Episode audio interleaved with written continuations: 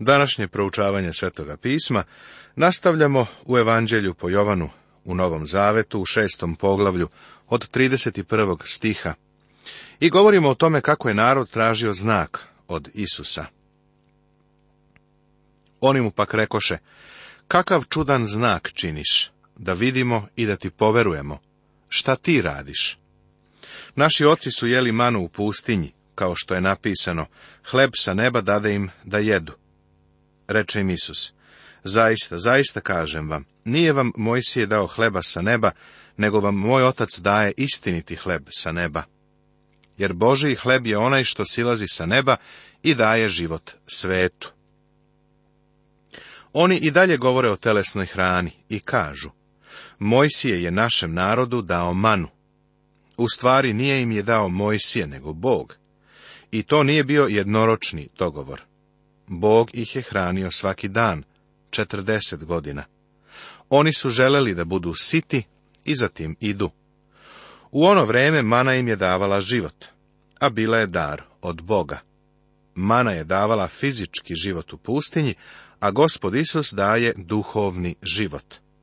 Moj otac daje istiniti hleb sa neba.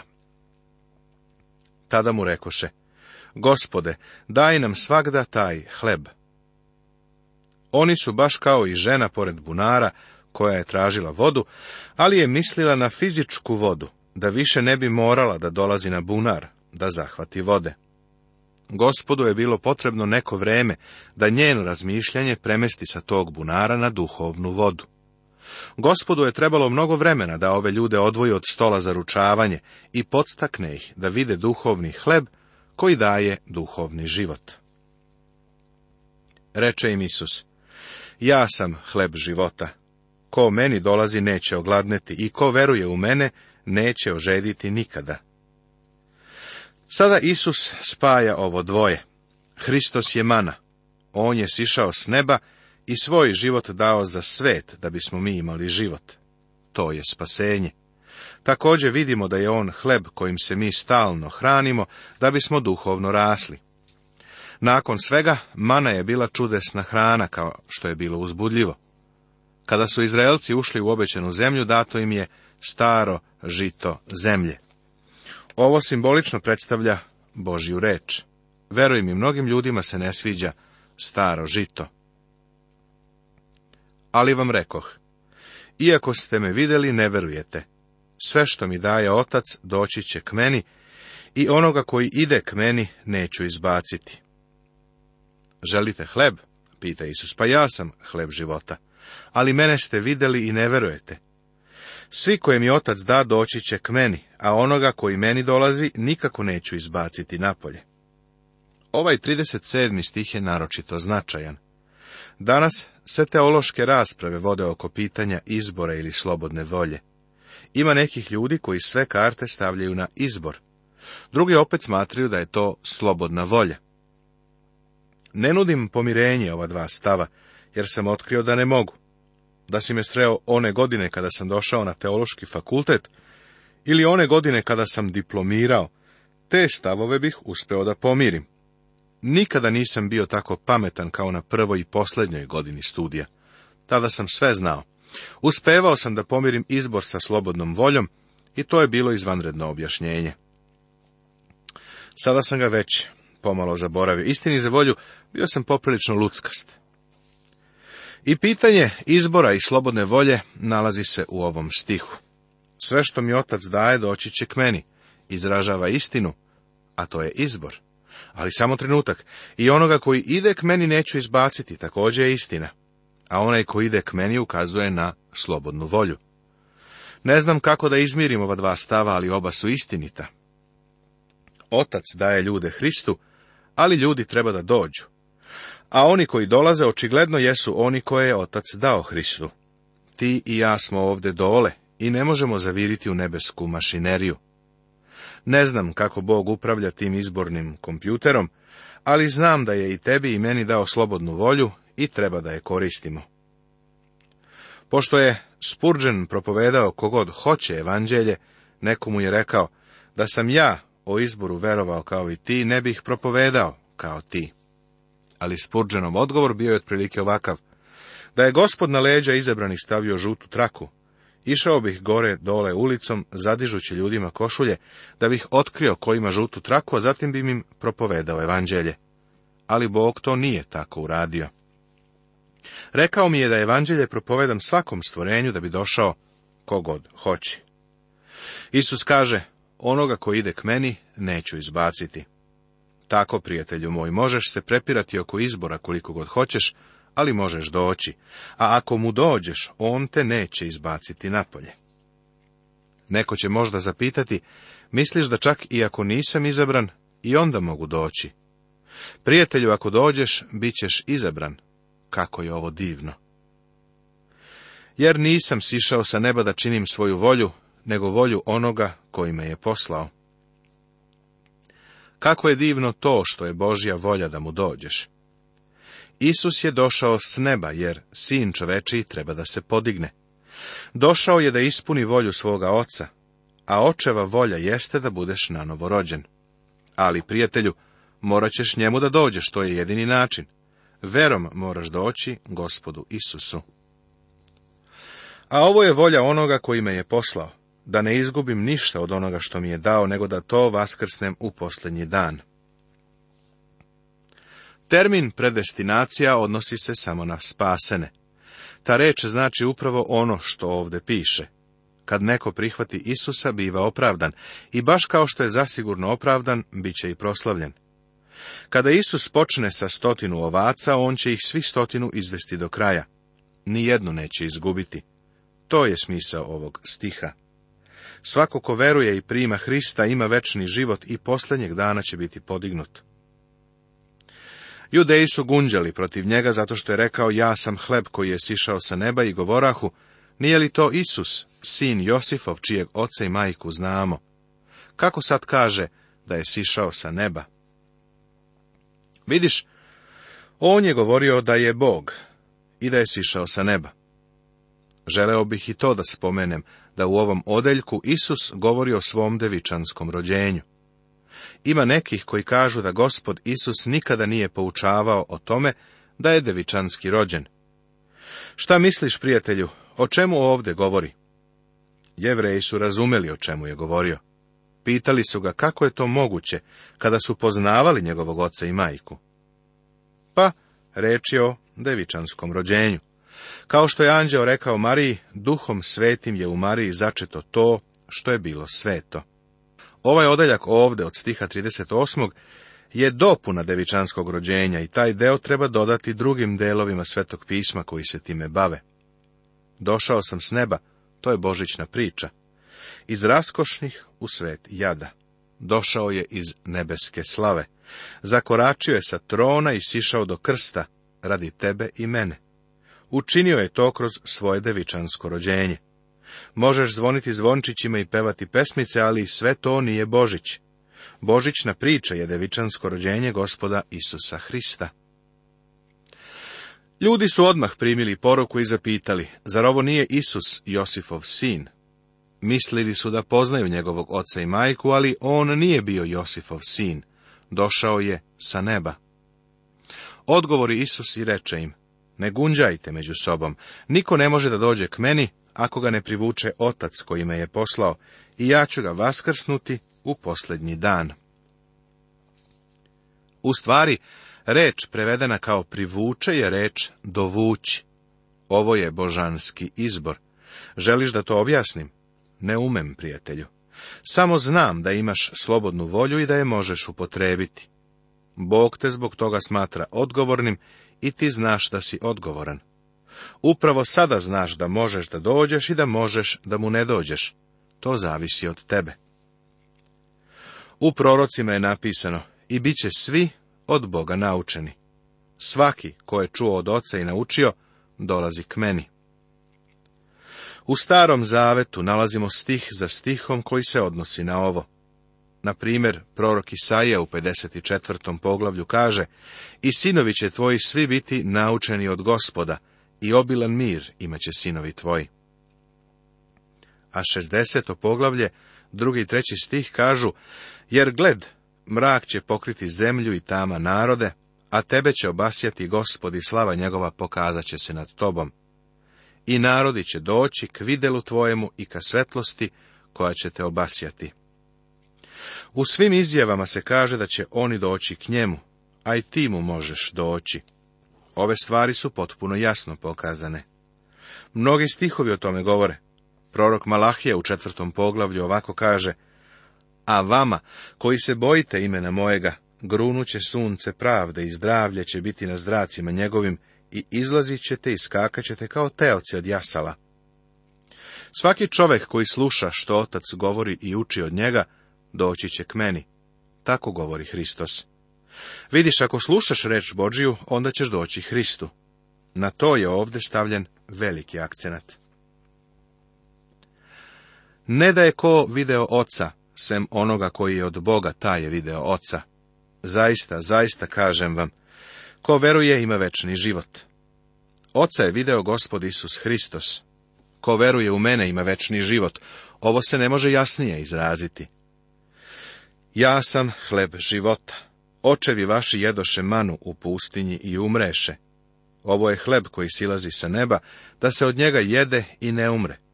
Ja sam živi hleb koji je sišao sa neba.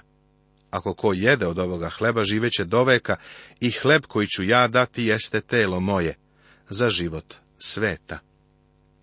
On je došao na ovu zemlju, i reč se ovaploti. On ide na krst da taj ljudski život položi kao žrtvu kojom su se platili naši gresi. Prijatelju, kada si učesnik u ovome, odnosno kada to prihvatiš, onda si spasen. Neko će reći, o, to je tako jasno i snažno. Tako su govorili i u to vrijeme, prijatelju. A judeji se prepirahu među sobom govoreći, kako on može da nam da svoje telo da jedemo? Oni su naravno mislili na njegovo fizičko telo. Tada im Isus reče, zaista, zaista kažem vam, ako ne jedete tela sina čovečijeg i ne pijete krvi njegove, nemate života u sebi. To znači duhovno okusiti ga, što je mnogo realnije od fizičkog uzimanja. Ko jede moje telo i pije moju krv, ima život večni, i ja ću ga vaskrsnuti u posljednji dan jer moje telo je pravo jelo i moja krv je pravo piće. Ko jede moje telo i pije moju krv, ostaje u meni i ja u njemu.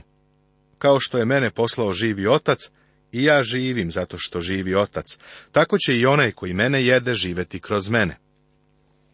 To je hleb koji je sišao sa neba. Ne kao što su očevi jeli i umrli. Ko jede ovaj hleb, živeće do veka. Prijatelju, to je zadivljujuća izjava. Gospod ove ljude priprema za tu posljednju večeru i za uspostavljanje gospodnje večere. Ovo očigledno ne treba doslovno uzimati, jer je gospod bio tamo pred njima. On njima ne govori da treba da počnu da ga jedu i da piju njegovu krv. On govori o tome da će dati svoj život. U toj gornjoj sobi on je vrlo jasno pokazao da je krv simbol života jer je duša telu u krvi, kaže treće Mojsijevo u 17. poglavlju. Bog je Izraelce učio toj istini od samog početka, kada ih je pozvao iz Egipta. Tamo na gori Sina i Mojsije im daje ovu veliku činjenicu, jer je duša telu u krvi, što je također i medicinska istina. Život tela se nalazi u krvi, a Isus daje svoj život. Tamo na krstu će proliti svoju krvi, će svoj život. Spasenje se dobija prihvatanjem i primanjem Hrista na najintimniji način. Ovo je osnova za svetu tajnu gospodnje večere. Prijatelju među vernicima i crkvama je kroz vekove bilo tako mnogo neslaganja u vezi sa tumačenjem gospodnje večere, baš kao i u vezi sa krštenjem. Nemam utisak da su se mnogo svađali, ali svakako neslaganja postoje. Na latinskom rečenica hoc est mos korpus, ovo je moje telo. Kada im je gospod dao hleb tamo u gornjoj sobi, rekao je, ovo je moje telo. Ljudi su različito akcentirali ovu rečenicu. Rimokatolička crkva naglašava ovo izjavu. Ovo je moje telo. Oni kažu da dolazi do transubstancije, odnosno da hleb postaje Hristovo telo. Pa, ja ne mislim da je naš gospod poučavao kanibalizam ni u kakvoj formi, obliku ili načinu. Naravno, mislim da je ovaj naglasak pogrešan. Zatim, ima onih koji su prihvatili stav luteranske crkve, odnosno stav substancije. To znači da kroz, uz pomoć, sa i pod hlebom, dobijaš Hristovo telo. Ponovo smatram da ovome nedostaje smisao Hristovih reči. Zatim ima i onih koji zauzimaju Zvinglijev stav. On je bio švajcarski reformistički vođa, koji je ovome dao duhovno tumačenje. Smatrao je da je reč o simbolu, obredu i to je sve. Mislim da je ovo stav koji danas zauzima većina protestanata. Iskreno smatram da i ovom stavu nedostaje pravi smisao gospodnje večere, kao i u prethodna dva tumačenja. Jean Calvin akcenat stavlja na je. Ovo je moje telo. Reformisana vera je uvek tu stavljala svoj akcenat kao i rana crkva. Hleb je hleb i uvek će biti hleb. Ne može se promeniti. Vino je uvek samo vino i nikakvo čudo se tu ne dešava. Ne dobijaš, ne uzimaš Hristovo telo tako što ćeš proći kroz obred. Pa ipak ovo je nešto više od obreda. Imao sam profesora na fakultetu koji nas je učio da je to hleb u tvojim ustima, ali Hristos u tvome srcu. Prijatelju, verujem da poštovanjem gospodnje večere dobijamo duhovni blagoslov. Smatram da ti on služi duhovno kroz svoju poslušnost, držanjem gospodnje večere. Tu ne postoji ništa kao hokus pokus, niti je to samo neki prazan ritual koji obavljamo.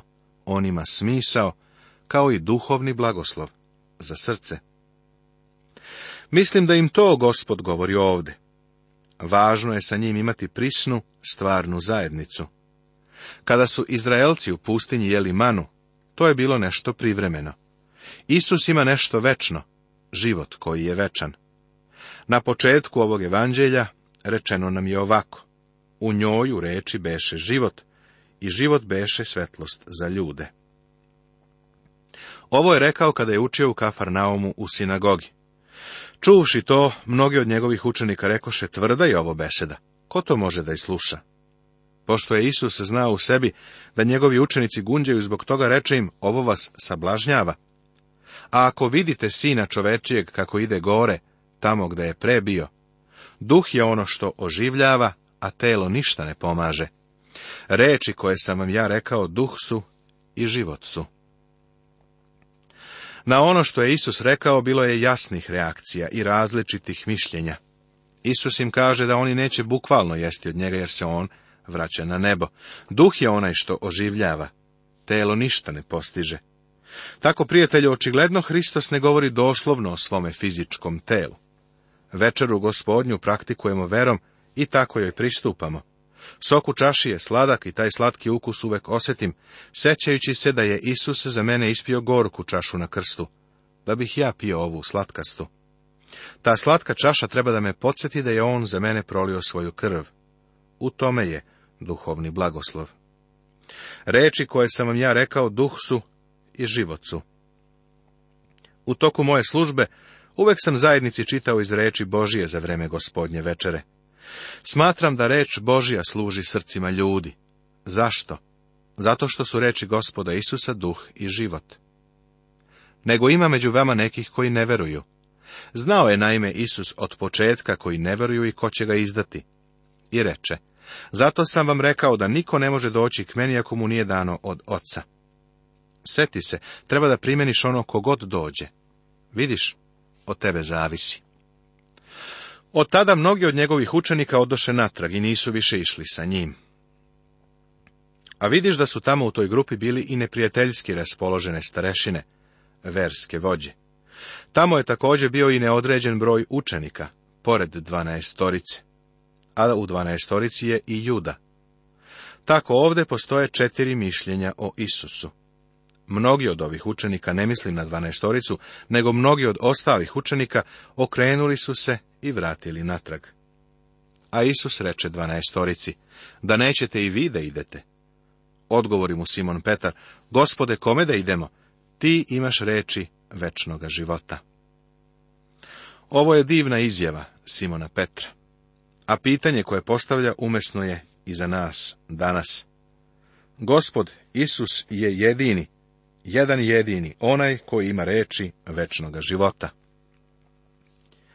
Mi smo uvereni i saznali smo da si ti svetac Boži, odgovori im Isus. Zar nisam ja izabrao vas, dvanaestoricu, i jedan od vas je đavo?